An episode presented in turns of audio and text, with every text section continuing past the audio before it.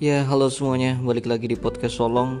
Hari ini kita bakal lanjutin bagian satu revolusi kognitif di di chapter 3 berjudul Sehari dalam kehidupan Adam dan Hawa. Untuk memahami alam, sejarah, dan psikologi, kita harus masuk ke dalam kepala para leluhur, para pemburu penjelajah Hampir sepanjang keseluruhan sejarah spesies kita, sapiens hidup sebagai penjelajah makanan.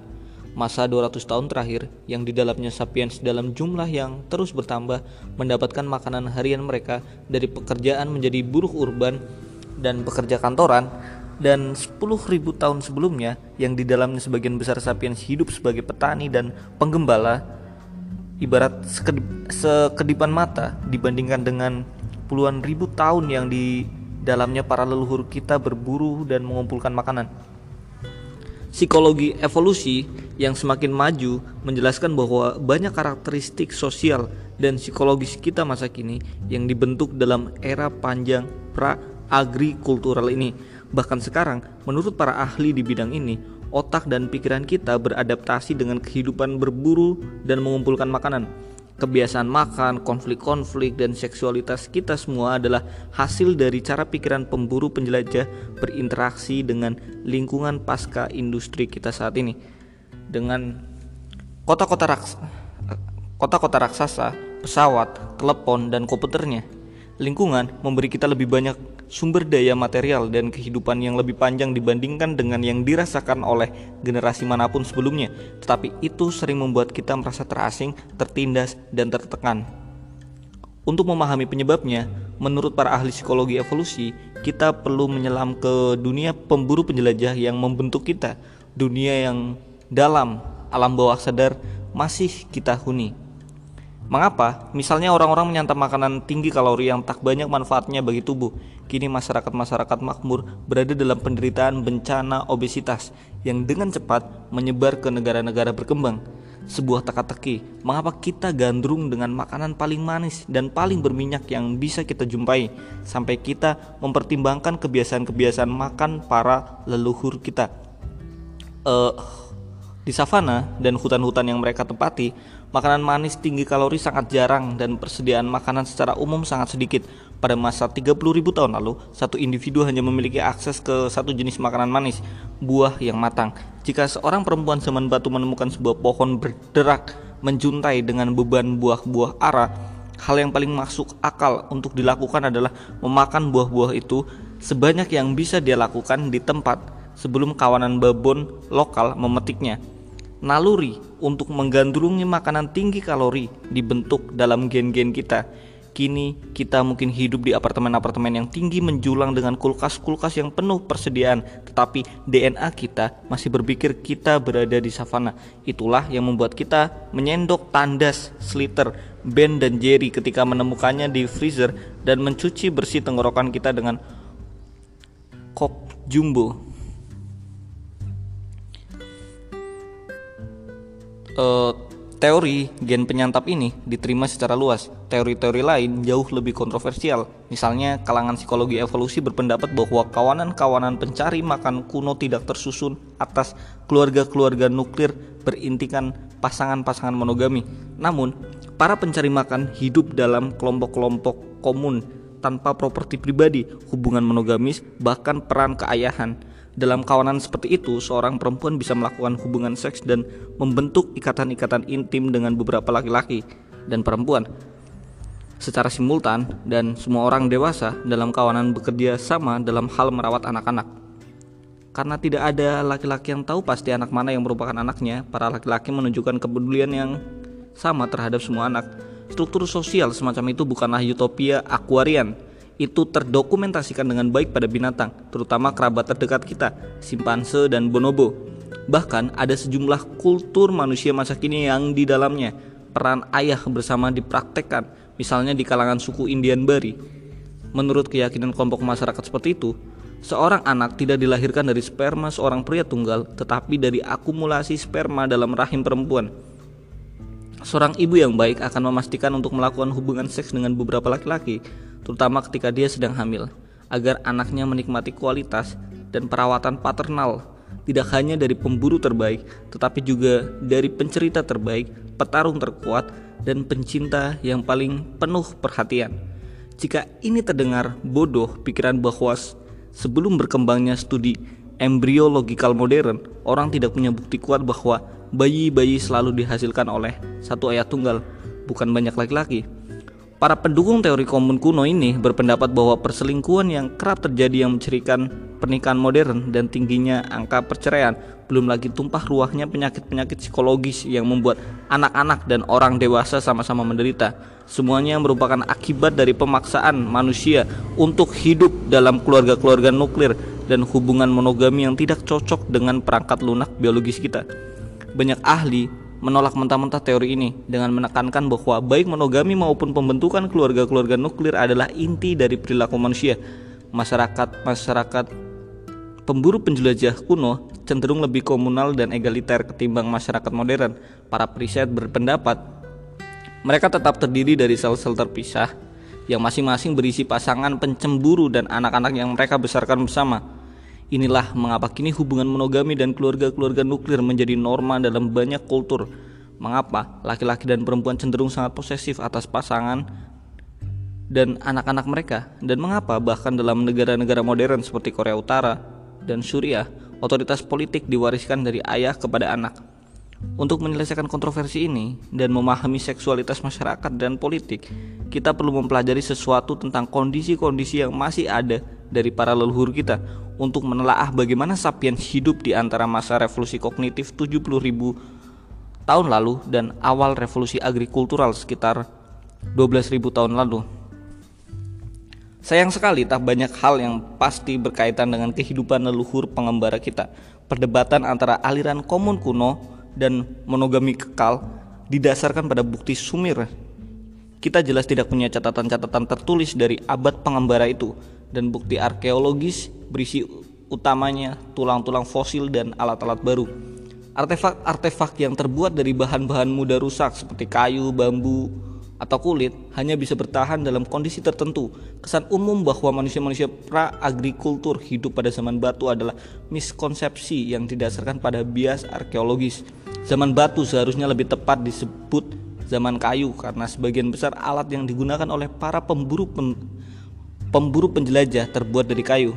Setiap rekonstruksi atas kehidupan pemburu penjelajah kuno dari artefak-artefak yang selamat benar-benar problematik.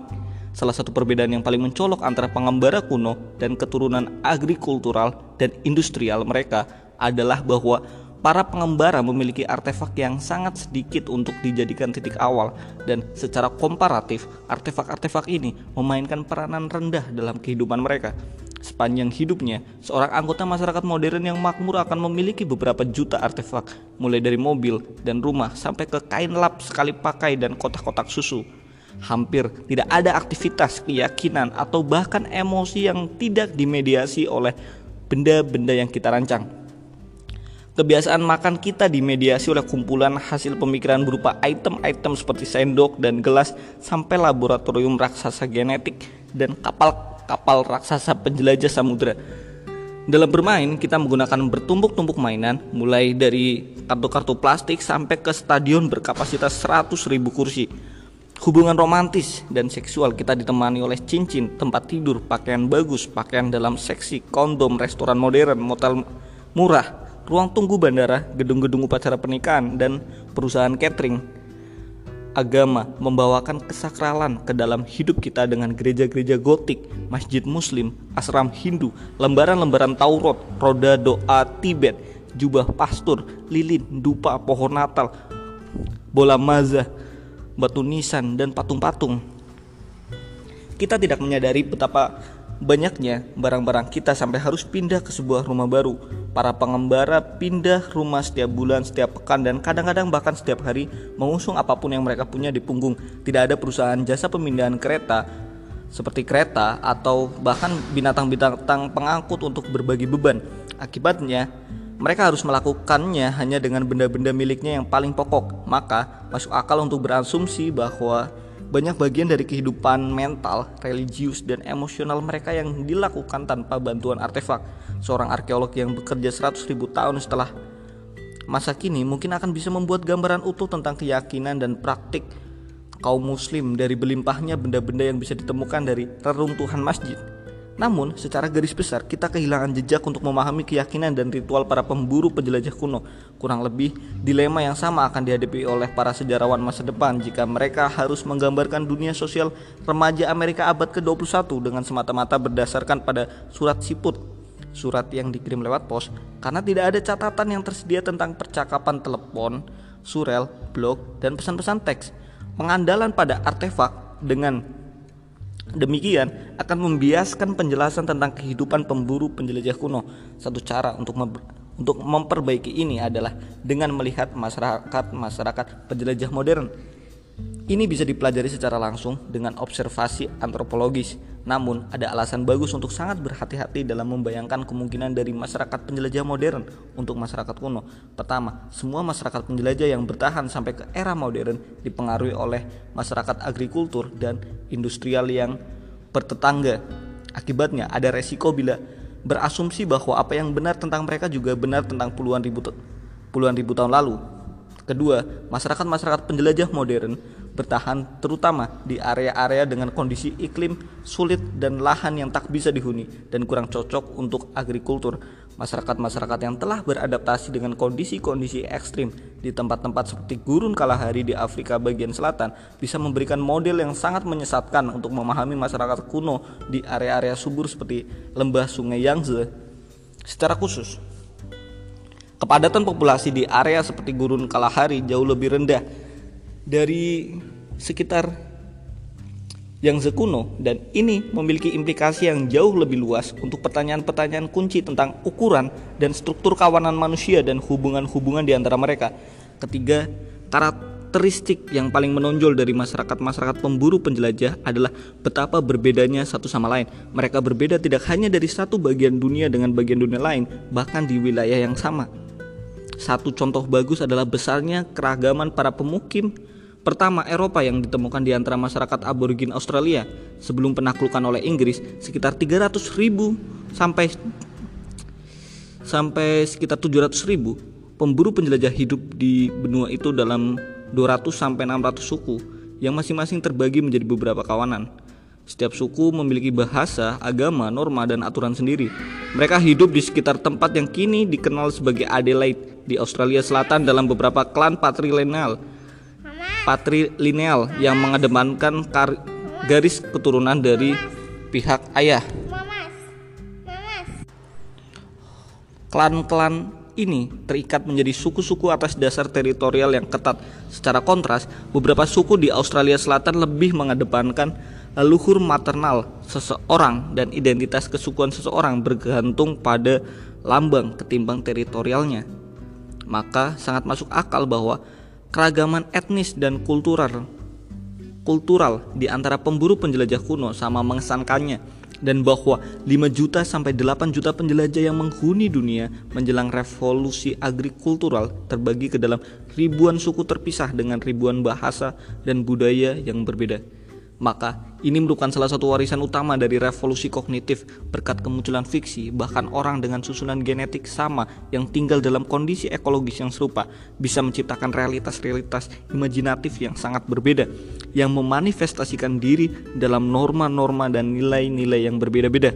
Misalnya, selalu tersedia alasan untuk percaya bahwa satu kawanan penjelajah yang hidup 330 ribu tahun lalu di tempat Universitas Oxford kini berdiri menggunakan bahasa yang berbeda dari kawanan yang hidup di tempat Cambridge kini berada. Satu kawanan mungkin gemar berkelahi dan yang lain lebih damai.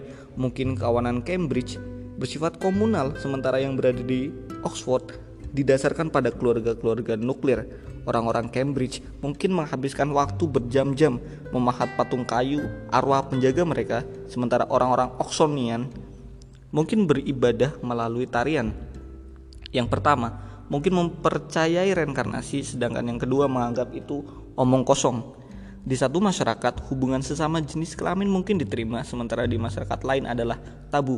Dengan kata lain, meskipun observasi antropologis terhadap masyarakat penjelajah modern bisa membantu kita memahami sebagian kemungkinan yang tersedia untuk masyarakat penjelajah kuno, horizon kuno tentang kemungkinan-kemungkinan itu sangat luas dan sebagian besar tersembunyi dari pandangan kita.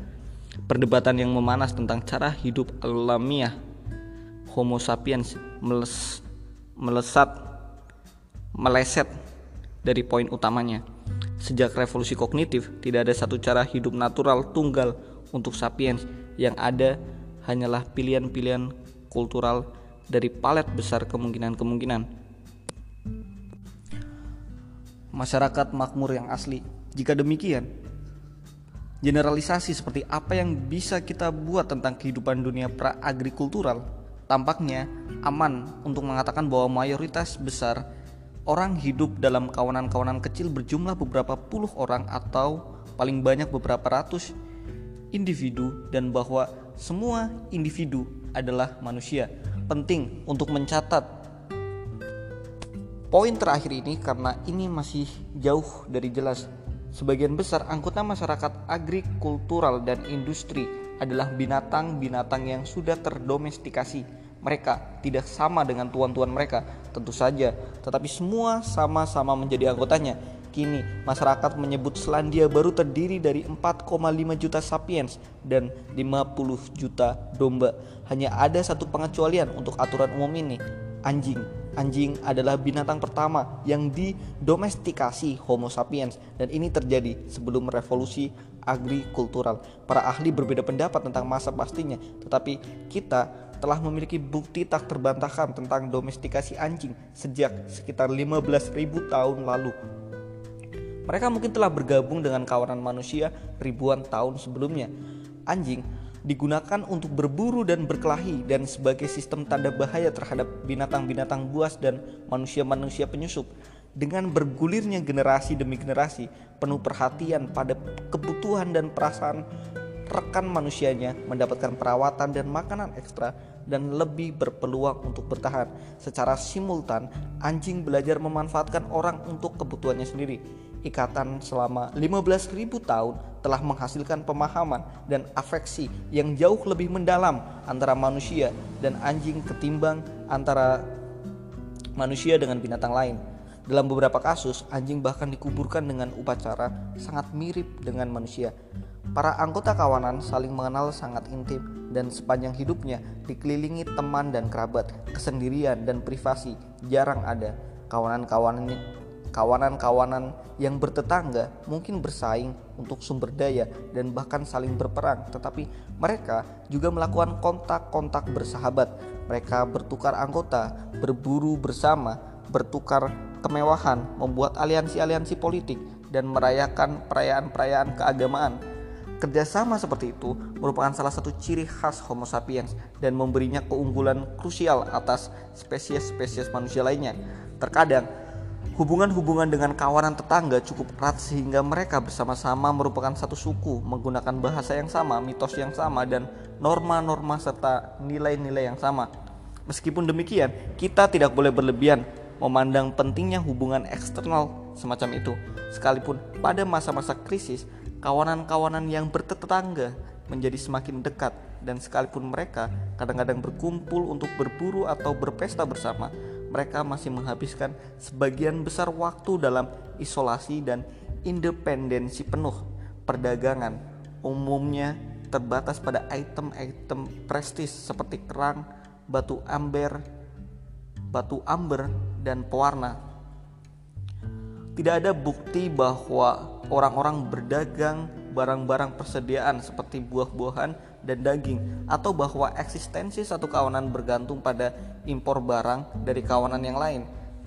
Relasi-relasi sosial, politik permanen juga cenderung sporadis. Suku tidak berfungsi sebagai kerangka politik permanen dan sekalipun suku memiliki tempat-tempat pertemuan berkala, tidak ada kota atau institusi permanen, rata-rata orang hidup selama berbulan-bulan tanpa melihat atau mendengar manusia dari luar atau dari kawanannya sendiri. Dan sepanjang hidupnya, dia hanya bertemu dengan beberapa ratus manusia. Populasi sapiens tersebar di teritori yang sangat luas. Sebelum revolusi agrikultural, populasi manusia di segenap penjuru planet lebih kecil dari Kairo hari ini. Sebagian besar kawanan sapiens hidup di hidup di jalanan, berkelana dari satu tempat ke tempat lain untuk mencari makanan. Gerakan mereka dipengaruhi oleh pergantian musim, migrasi tahunan binatang, dan siklus hidup tumbuh-tumbuhan. Mereka biasanya bepergian bolak-balik di satu teritorial yang sama, sebuah area antara beberapa puluh sampai ratusan kilometer persegi. Terkadang, kawanan-kawanan berkelana keluar wilayah kekuasaan mereka dan mengeksplorasi tanah-tanah baru, entah karena bencana alam, konflik kekerasan, tekanan demografis, atau inisiatif pemimpin karismatis. Pengembaraan ini merupakan mesin dari ekspansi manusia di seluruh dunia. Jika satu kawanan penjelajah terpecah sekali setiap 40 tahun dan kelompok pecahan bermigrasi ke teritori baru sejauh 100 km ke timur, jarak dari Afrika Timur ke Cina akan bisa ditempuh selama sekitar 10.000 tahun. Dalam kasus-kasus pengecualian, ketika sumber makanan sangat melimpah, kawanan-kawanan menetap dalam kem-kem sementara, bahkan permanen. Teknik-teknik pengeringan, pengasapan, dan pembekuan makanan juga memungkinkan mereka untuk untuk menetap dalam periode yang lebih lama. Yang lebih penting, di sepanjang laut dan sungai yang kaya makanan laut dan unggas air, manusia membuat perkampungan nelayan, permukiman permanen pertama dalam sejarah jauh sebelum revolusi agrikultural. Perkampungan-perkampungan nelayan mungkin sudah muncul di pesisir-pesisir Indonesia sejak 45.000 tahun lalu. Perkampungan-perkampungan ini bisa jadi merupakan pangkalan bagi Homo sapiens untuk melancarkan parade lintas samudera pertamanya, invasi terhadap Australia. Pada sebagian besar habitat, kawanan-kawanan sapiens menghidupi diri dalam cara yang elastis dan oportunitis mereka mencari rayap, memetik beri, menggali akar, mengejar kelinci, dan berburu bison dan mamut. Terlepas dari citra populernya sebagai manusia pemburu, pengumpulan makanan merupakan aktivitas utama sapiens dan itu memberi mereka sebagian besar kalori. Di samping bahan-bahan baku seperti batu, kayu, dan bambu, sapiens tidak menjelajah hanya untuk makanan dan bahan, mereka menjelajah untuk pengetahuan juga. Untuk bertahan, mereka memerlukan peta terperinci dalam kepala mereka tentang teritori mereka. Untuk memaksimalkan efisiensi pencarian makanan harian, mereka mereka membutuhkan informasi tentang pola-pola pertumbuhan setiap tumbuhan dan perilaku tiap-tiap binatang. Mereka perlu tahu makanan mana yang menyehatkan, mana yang membuat sakit, dan bagaimana menggunakan uh, yang lain untuk pengobatan. Mereka perlu tahu perkembangan musim dan tanda-tanda peringatan apa yang mendahului hujan badai atau musim kering. Mereka mempelajari setiap arus, setiap pohon kenari, setiap gua beruang, dan setiap cadangan batu pemantik di areanya. Setiap individu harus mengerti bagaimana pembuat pisau batu, bagaimana memperbaiki jubah yang robek, bagaimana memasang perangkap kelinci, bagaimana menghadapi longsoran, gigitan ular atau singa lapar. Penguasaan tiap-tiap keterampilan ini merupakan keperluan dan praktik bertahun-tahun. Rata-rata penjelajah kuno bisa mengubah batu menjadi benda tajam dalam beberapa menit. Kalau kita mencoba meniru keterampilan itu, kita akan gagal sia-sia. Sebagian besar kita tak punya pengetahuan bagaimana mengupas properti batu dan basal dan keterampilan motorik halus untuk mengerjakan itu secara cermat. Dengan kata lain, Rata-rata seorang penjelajah memiliki pengetahuan yang lebih luas, lebih mendalam, dan lebih beragam tentang alam sekeliling mereka ketimbang sebagian besar keturunan modern mereka. Kini, kebanyakan orang dalam masyarakat industri tidak perlu tahu banyak tentang alam untuk bertahan hidup. Apa yang benar-benar Anda perlu tahu untuk bisa menjadi seorang insinyur komputer, agen asuransi, guru sejarah, atau pekerja buruh? Anda tak perlu tahu banyak tentang bidang keahlian kecil Anda sendiri tetapi untuk sebagian besar kebutuhan hidup, Anda mengandalkan secara buta bantuan ahli lain yang pengetahuannya juga terbatas pada satu bidang keahlian kecil. Secara kolektif, manusia memang memiliki pengetahuan yang lebih jauh daripada kawanan-kawanan kuno. Namun pada level individual, para penjelajah kuno adalah orang yang paling berpengetahuan dan paling terampil dalam sejarah Ada suatu bukti bahwa ukuran rata-rata otak sapiens sebetulnya menurun sejak abad penjelajahan.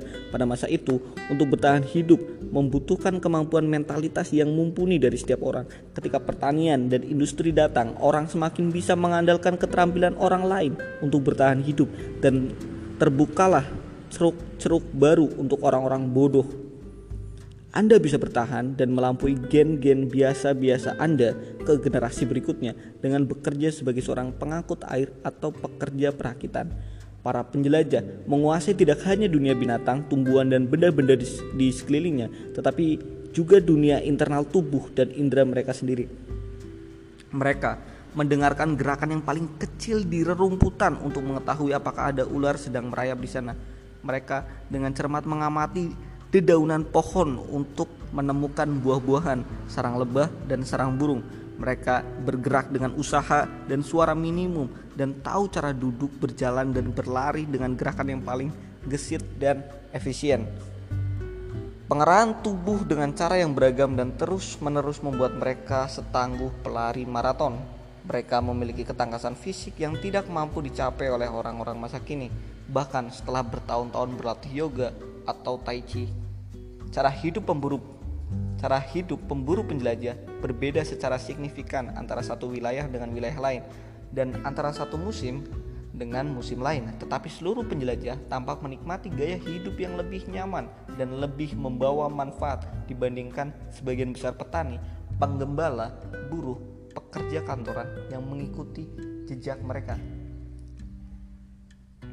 Sementara dalam masyarakat makmur masa kini, bekerja rata-rata 40 sampai 45 jam per pekan dan orang di dunia berkembang bekerja 60 bahkan 80 jam per pekan.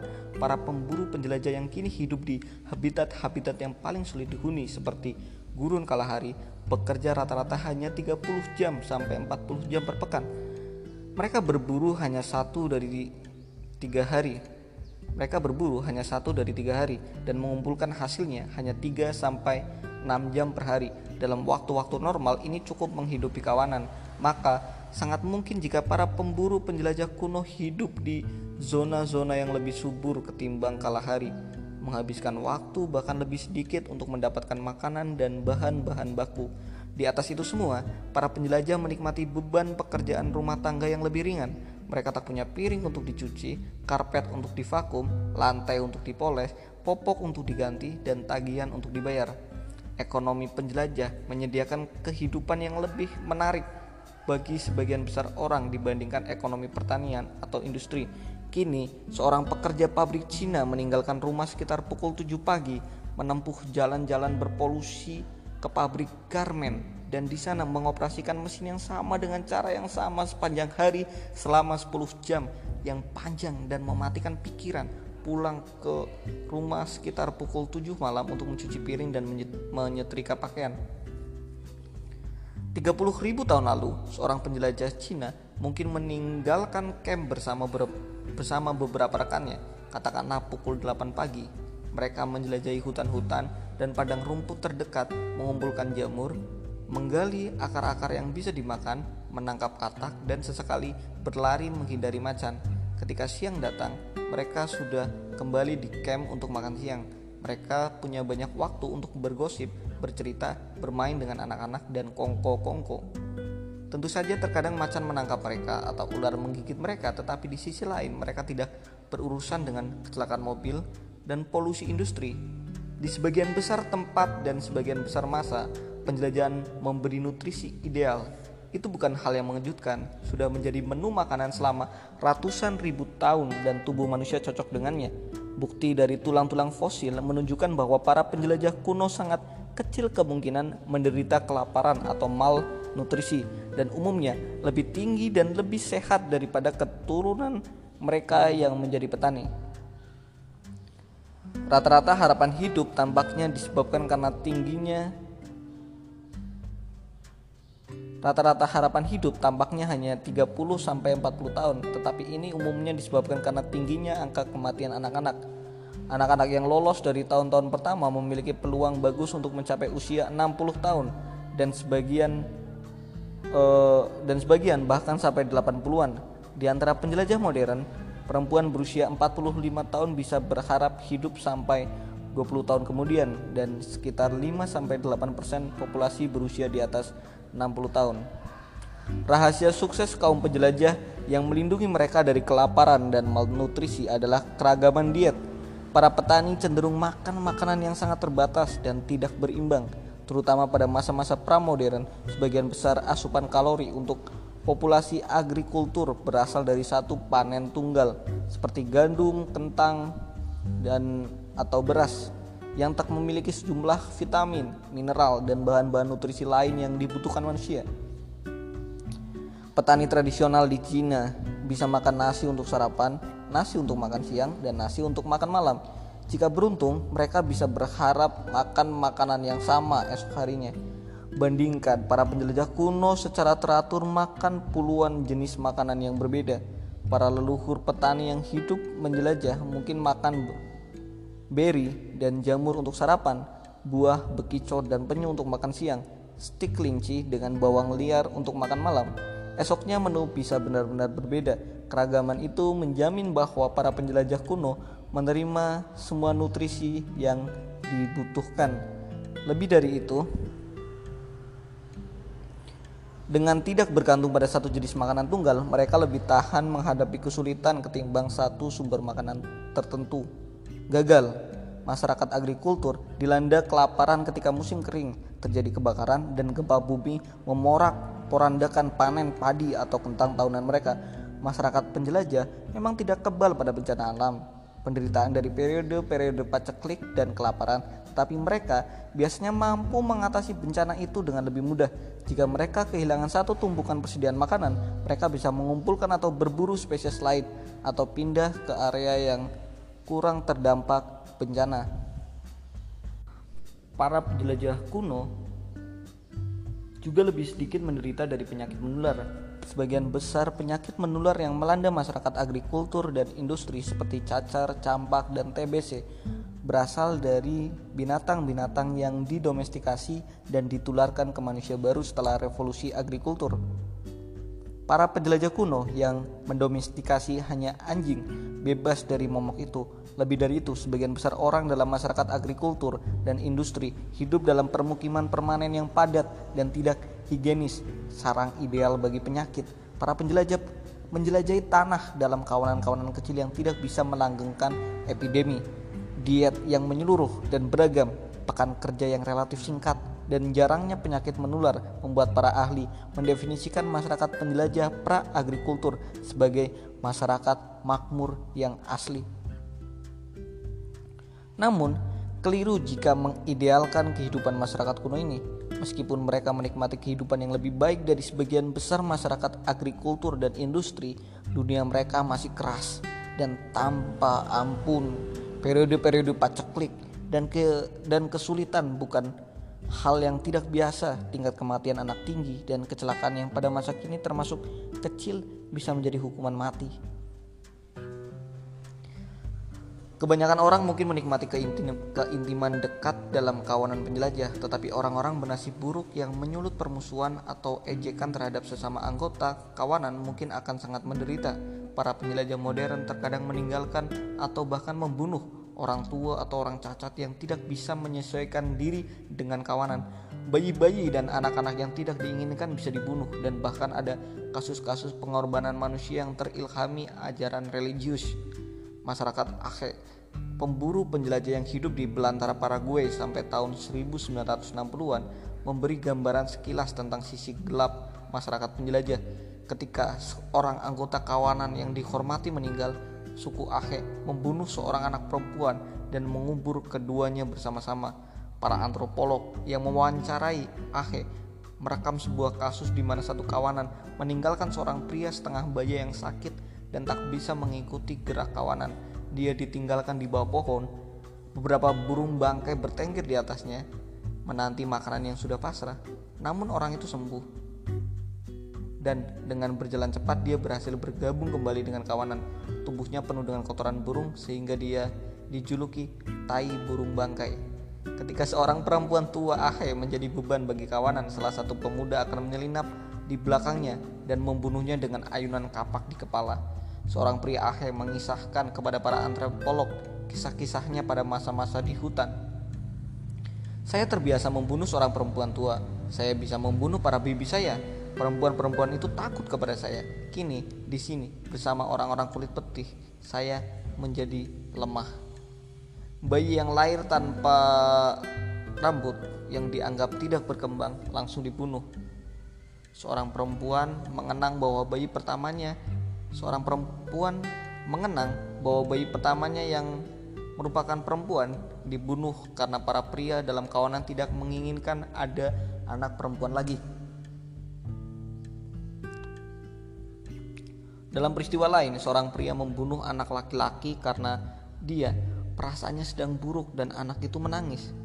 Seorang anak lainnya dikubur hidup-hidup karena tampak lucu dan anak-anak lain mentertawainya. Namun, kita harus berhati-hati agar tidak menghakimi Ahe terlalu cepat.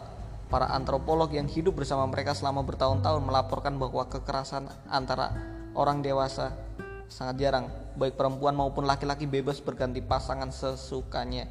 Mereka tersenyum dan tertawa terus, tak ada hierarki hubungan, dan umumnya menghindari orang-orang dominan.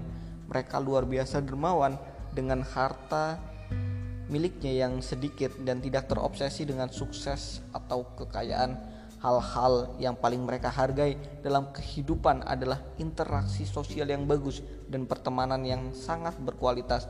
Mereka memandang pembunuhan anak, orang sakit, dan orang tua sama seperti banyak orang pada masa kini memandang aborsi dan eutanasia.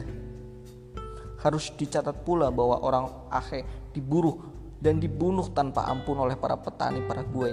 Kebutuhan untuk menghindari musuh mungkin menyebabkan Aceh menerapkan sikap sangat keras terhadap siapa pun yang mungkin menjadi beban bagi kawanan.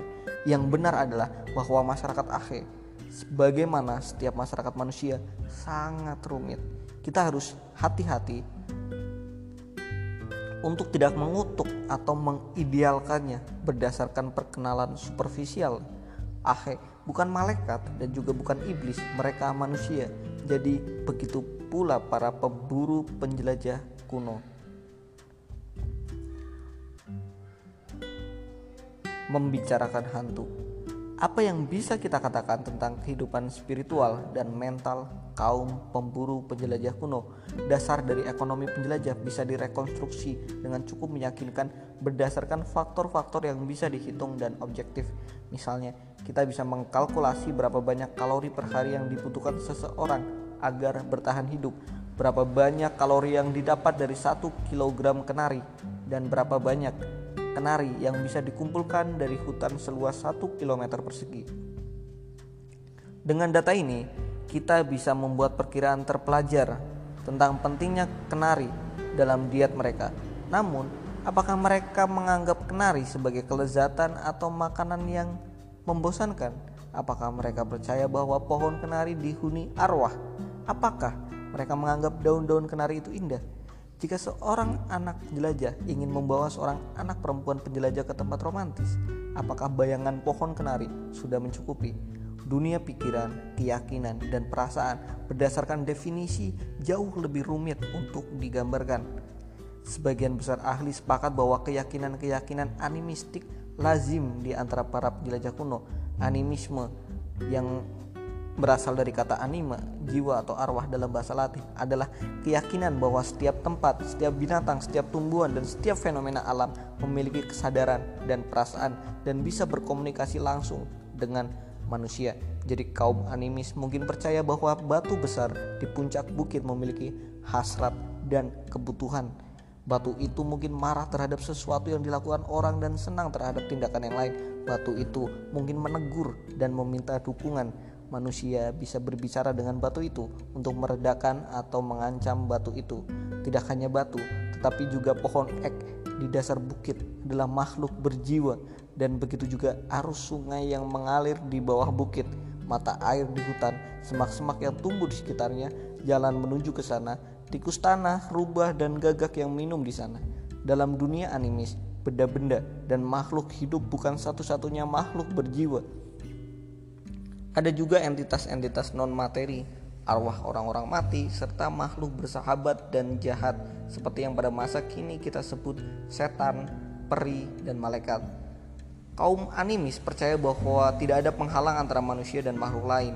Mereka semua bisa berkomunikasi langsung melalui ucapan, lagu, tarian, dan upacara. Seorang pemburu bisa berbicara kepada sekawanan rusa dan meminta salah satu dari mereka mengorbankan diri. Jika perburuan sukses, pemburu bisa meminta kepada binatang yang mati itu untuk memberinya maaf. Ketika seseorang jatuh sakit, seorang dukun bisa mengontak arwah yang menyebabkan sakit dan berusaha berdamai atau menakut-nakutinya. Jika diperlukan, dukun itu bisa meminta bantuan dari arwah-arwah lain. Yang mencirikan semua aksi komunikasi ini adalah entitas yang sedang diajak bicara adalah makhluk setempat. Mereka bukan Tuhan universal melainkan rusa tertentu, pohon tertentu, arus tertentu, hantu tertentu.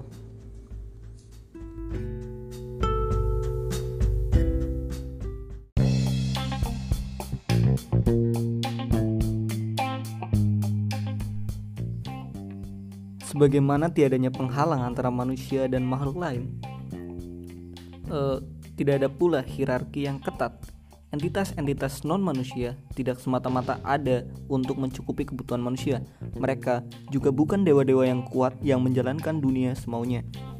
Dunia tidak berputar di sekitar orang-orang atau di sekitar kelompok makhluk tertentu.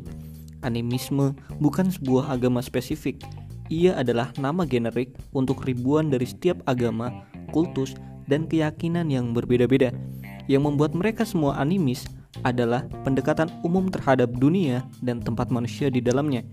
Mengatakan bahwa para penjelajah kuno mungkin animis seperti mengatakan bahwa para agrikulturalis pramodern sebagian besar bertuhan. Teisme dari kata theos, Tuhan dalam bahasa Latin, adalah pandangan bahwa tata universal didasarkan pada hubungan-hubungan hierarkis antara manusia dan sekelompok kecil entitas halus yang disebut dewa.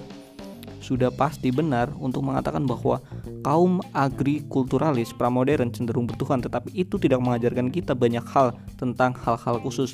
Label generic taste mencakup Robby Yahudi dari abad ke-18 Polandia para tukang sihir Puritan abad ke-17 Massachusetts para pendeta Aztec dari abad ke-15 Meksiko, kaum mistis Sufi dari abad ke-12 Iran, para petarung Viking abad ke-10, anggota Legiun Romawi abad ke-2 dan para birokrat Cina abad ke-1.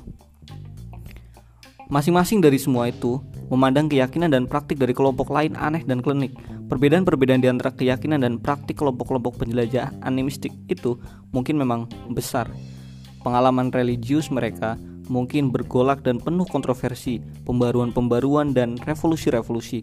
Namun general generalisasi hati-hati ini adalah titik yang bisa kita jangkau. Setiap upaya untuk menjelaskan secara spesifik spiritualitas kuno sangatlah spekulatif karena hampir tidak ada bukti untuk ditelusuri dan bukti yang kita miliki sangat sedikit dan sejumlah artefak serta lukisan gua bisa diinterpretasikan dengan banyak cara. Tetapi teori-teori para ahli yang mengklaim tahu apa yang dirasakan para penjelajah justru memperjelas prasangka bahwa para pengarangnya alih-alih agama-agama zaman batu. Ketimbang menegakkan gunung-gunung teori di atas, gundukan tanah, relik, makam, lukisan gua dan patung-patung serta tulang-tulang lebih baik dan lebih jujur mengakui bahwa kita hanya memiliki catatan-catatan paling kabur tentang agama-agama para penjelajah kuno. Kita berasumsi bahwa mereka animis tetapi itu sangat tidak informatif. Kita tidak tahu arwah, arwah mana yang mereka sembah, perayaan mana yang mereka rayakan, atau tabu apa yang mereka yakini. Yang paling penting, kita tidak tahu kisah apa yang mereka ceritakan. Itu salah satu lubang terbesar dalam pemahaman kita tentang sejarah Dunia sosiopolitik para penjelajah hanyalah area lain yang kita hampir tidak tahu apa-apa tentangnya.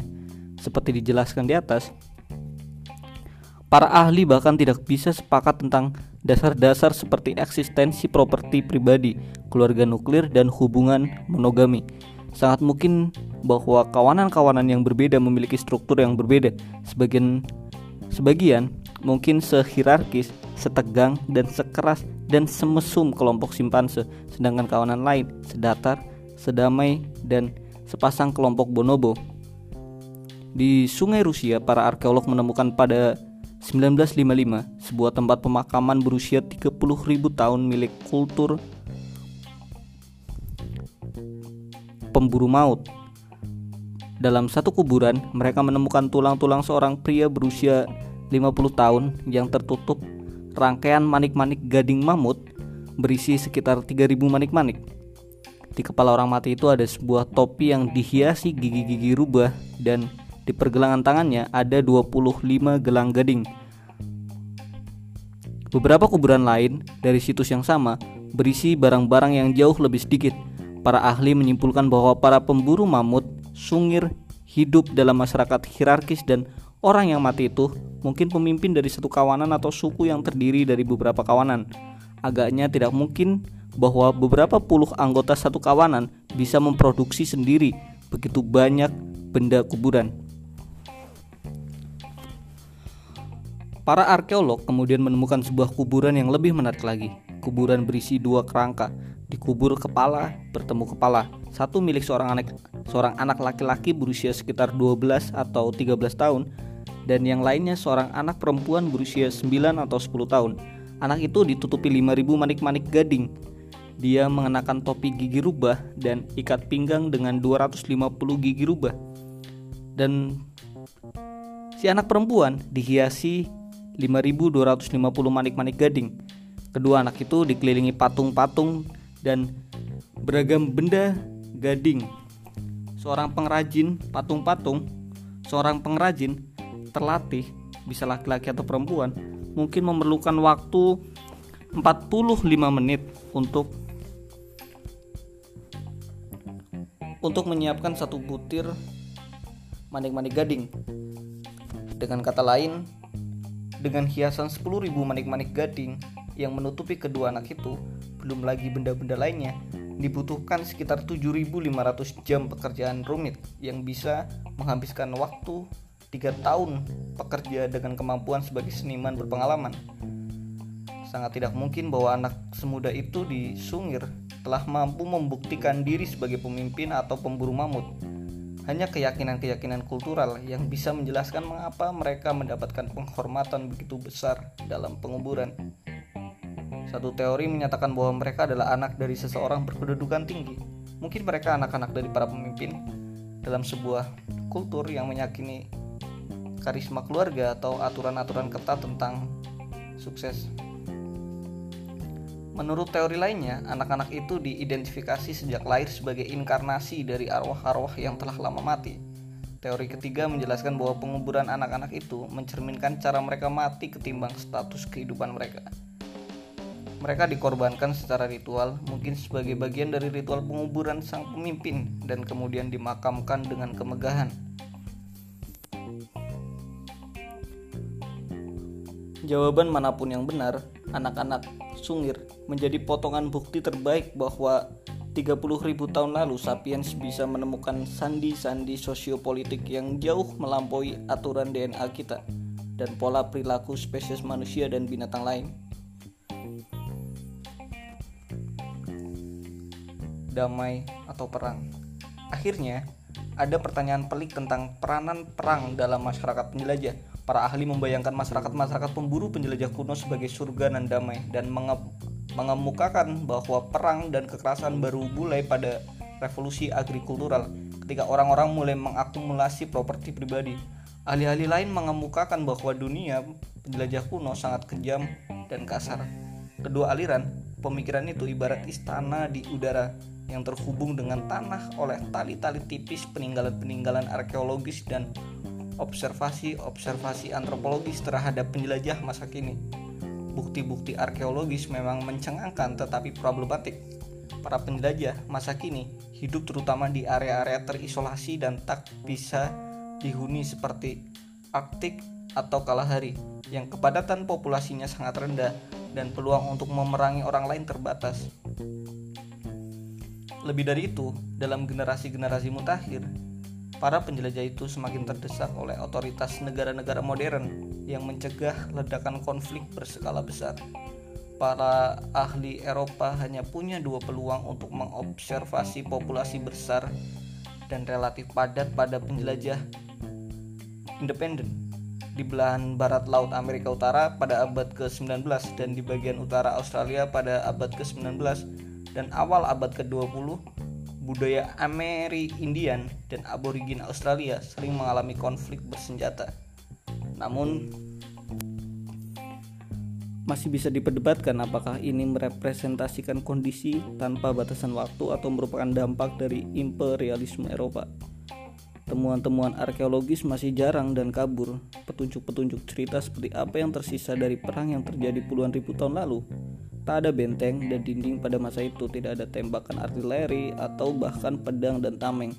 Senjata-senjata tajam kuno mungkin digunakan dalam perang, tetapi bisa digunakan pula untuk berburu. Tulang-tulang manusia yang memfosil tak kurang sulitnya untuk diinterpretasi. Sebuah retakan bisa menunjukkan adanya luka akibat perang atau kecelakaan.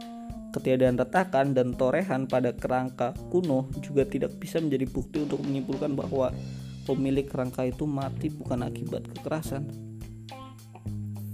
Kematian mungkin disebabkan oleh benturan terhadap lapisan lembut yang tidak meninggalkan bekas di tulang Bahkan yang lebih penting dalam peperangan era pra-industri lebih dari 90% korban tewas terbunuh oleh kelaparan, dingin, dan penyakit, bukan oleh senjata.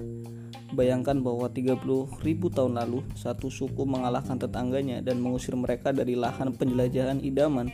Dalam pertempuran yang menentukan itu, 10 anggota suku yang dikalahkan terbunuh.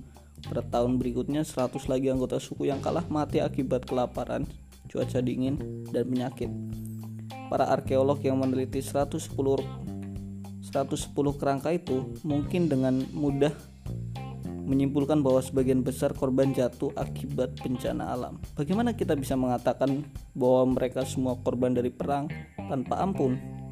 Dengan memperhatikan itu, kita kini bisa beralih ke temuan-temuan arkeologis. Di Portugal, sebuah survei dilakukan terhadap 400 kerangka dari periode tepat sebelum revolusi agrikultur. Hanya dua kerangka yang menunjukkan bersih dari tanda kekerasan. Survei serupa dilakukan terhadap 400 kerangka dari periode yang sama di Israel, menunjukkan satu retakan tunggal dalam satu tengkorak yang bisa dianggap sebagai akibat dari kekerasan manusia satu survei lagi terhadap 400 kerangka dari berbagai situs pra-agrikultural di lembah Danube memberikan bukti kekerasan pada 18 kerangka. 18 dari 400 mungkin terdengar tidak banyak, tetapi itu sesungguhnya sebuah presentase yang sangat tinggi. Jika ke-18 itu benar-benar mati akibat kekerasan, itu berarti sekitar 4,5% kematian di lembah Danube disebabkan oleh kekerasan manusia. Kini, rata-rata global hanya 1,5% dengan menggabungkan perang dan kejahatan. Pada abad ke-20, hanya 5% kematian manusia diakibatkan oleh kekerasan manusia. Dan dalam abad ini kita melihat perang paling berdarah dan genosida paling besar sepanjang sejarah. Jika pengungkapan itu biasa, maka lembah Danube kuno adalah sekeras abad ke-20. Temuan-temuan yang mencengangkan dari lembah Danube didukung oleh serangkaian temuan yang sama mengejutkan dari area-area lain di Jabal Sahaba di Sudan, sebuah kuburan berusia berusia 12 tahun ditemukan berisi 50 kerangka moncong panah dan senjata tajam ditemukan menempel atau tergeletak di dekat tulang belulang 24 kerangka. 40% dari temuan kerangka salah seorang perempuan mengungkapkan 12 luka. Di Gua of Death di Bavaria, para arkeolog menemukan kerangka 38 penjelajah, kebanyakan perempuan dan anak-anak yang dilempar ke dalam dua lubang penguburan. Separuh kerangka, termasuk anak-anak dan bayi, memiliki tanda kerusakan akibat senjata. Mungkin saja ada yang berpendapat bahwa tak semua dari ke-18 orang Danube kuno itu mati akibat kekerasan, yang tandanya bisa dilihat dari kerangka. Sebagian mungkin hanya terluka, namun ini mungkin kematian dari benturan terhadap lapisan lembut dan dari perampasan yang menyertai perang, tetapi tak mungkin bisa dilihat.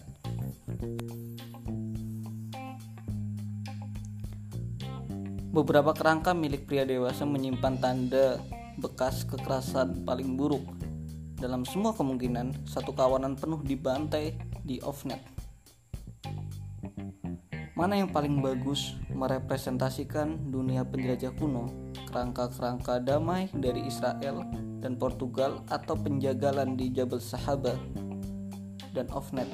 Jawabannya bukan keduanya, sebagaimana para penjelajah menunjukkan susun menunjukkan susunan keagamaan dan struktur sosial. Demikian pula mereka mungkin mendemonstrasikan beragam tingkat kekerasan. Jika sebagian area dan sebagian periode menikmati kedamaian dan ketenangan, area dan masa yang lain mungkin dipenuhi dengan konflik sengit.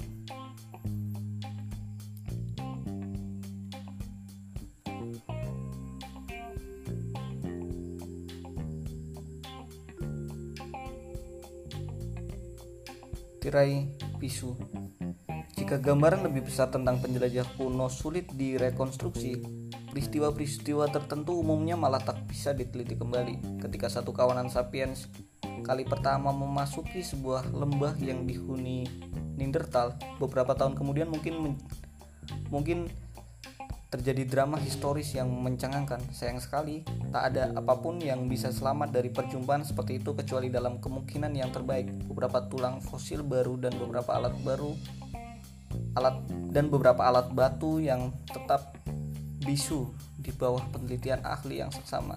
Kita bisa saja menarik dari semua itu informasi tentang anatomi manusia, teknologi manusia, makanan manusia, dan mungkin bahkan struktur sosial manusia.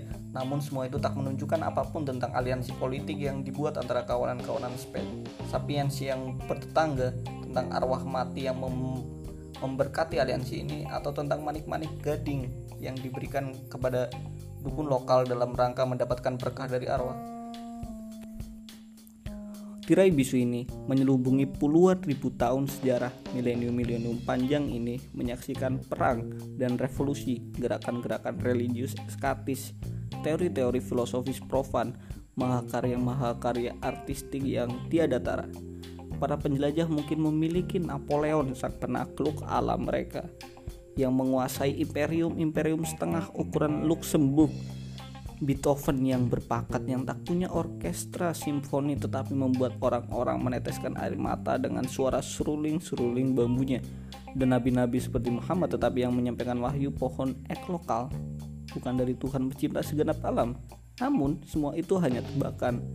Tirai bisu begitu tebal sehingga kita bahkan tidak bisa yakin hal-hal seperti itu pernah terjadi apalagi menjelaskan secara terperinci